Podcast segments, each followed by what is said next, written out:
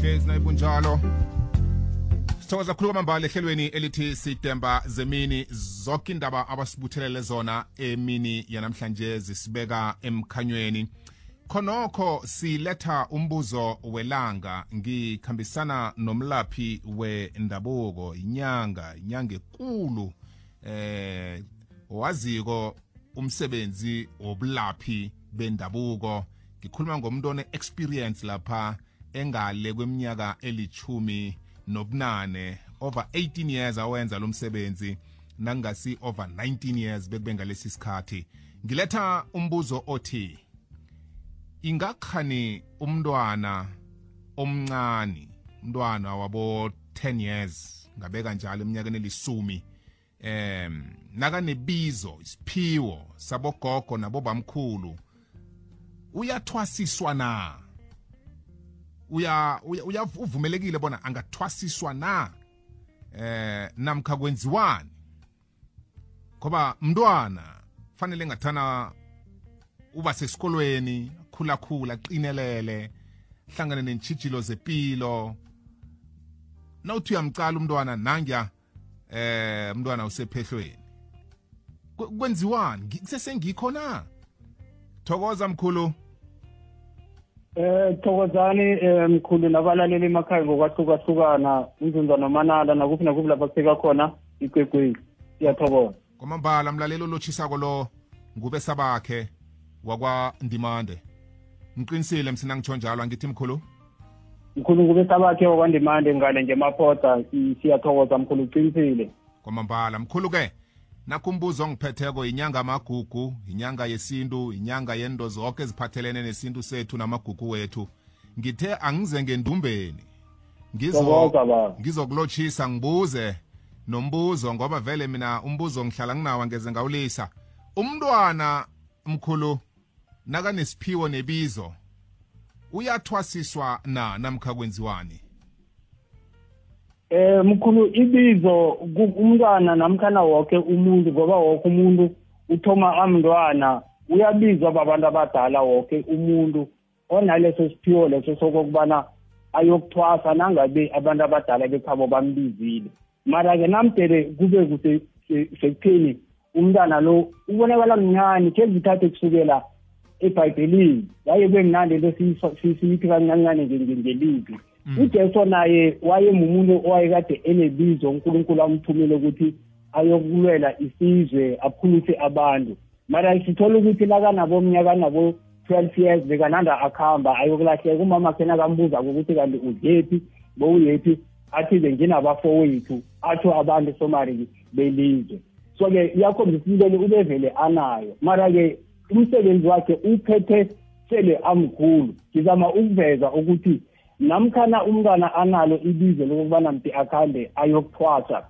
Sinendlela yokuthi-ke nangumntwana abogogo bamphethe uyawa uyavuka bayakhulumiseka ukuthi sithele igayiphashi okanye umntwana kube nendlela ezenziwako. Singaye esisukini sithatha amabele kube nemigomonyana nje ethileko ukuthi sibarabhele abantu abadala ukuthi akhe bamlise aqinelele then uzakuthi la sele anamandla abone nazo ithijilo zephasi nani nani nomongo lo sowufinilele bese-ke umntwana uyakuhamba-ke bazokuzwa kusukuma bona ukuthi simbekezelele kusukela eminyakeni ekukuthi namhlanje umntwana nango uvuthiwe. And akusikanengi umntwana abe nalo kanti analo ibizo.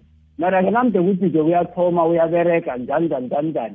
Kuzokhuluma lona idlozi likhona likuye yakhe ngaba naye umntwana onjalo eminyakeni eminingi eyadlulako eh kwaba nomntwana oza ekhaya kwakubetha ingungu esikhathini esadlula kona namhlanje namkhana isabethwa yakhe yaphuthuma kakhulu manje idlozeli laphethwa labizwa yingungu umntwana lo anabo ten years.